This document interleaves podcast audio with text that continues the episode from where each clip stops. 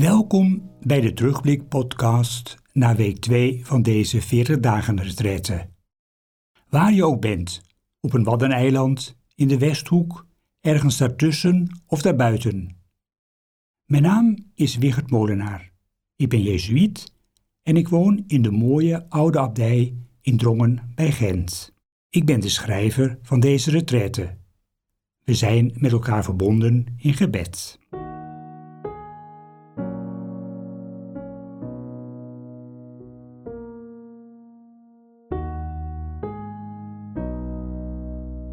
Afgelopen week werden er mooie Bijbelteksten voorgesteld om bij stil te staan.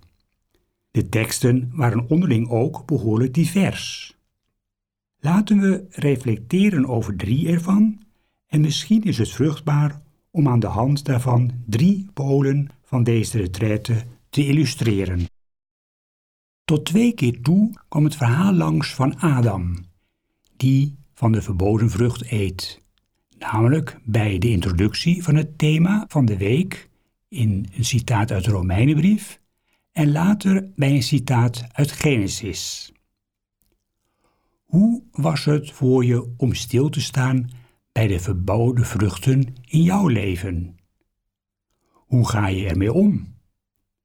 Wat is de uitdrukking op Gods gezicht terwijl Hij naar je kijkt?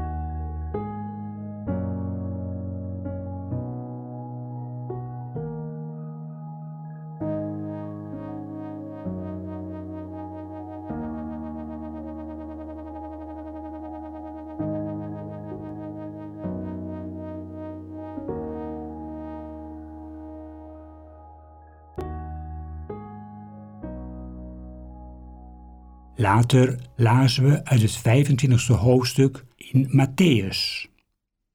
Alles wat je voor een van deze minste broeders van mij hebt gedaan, heb je voor mij gedaan. Net als vorige week was er de uitnodiging om je relatie met de armen te bekijken. Merk je met betrekking tot je relatie met de armen een verschil op tussen het eind van de vorige week en nu?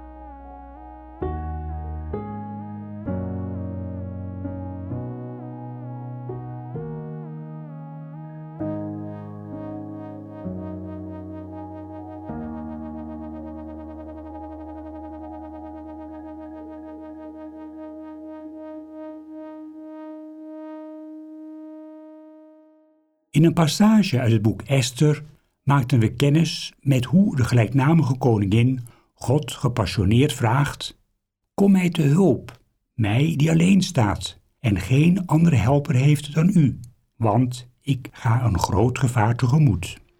Sprong er iets van de passie van koningin Esther over op jou?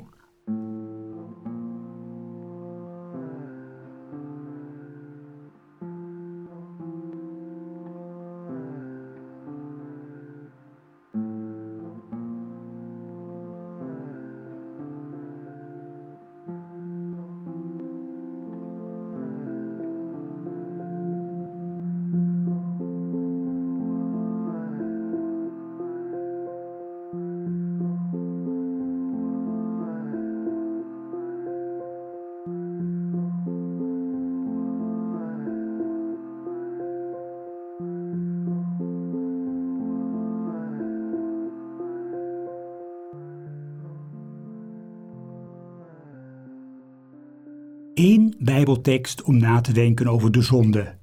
Eén om je sociale betrokkenheid te voeden en één om na te denken over hoe je bidt. Hieruit blijkt de rijkdom van de Bijbel. Het kan zijn dat niet al deze aspecten je even sterk aanspreken. Welke sprak jou het meest aan?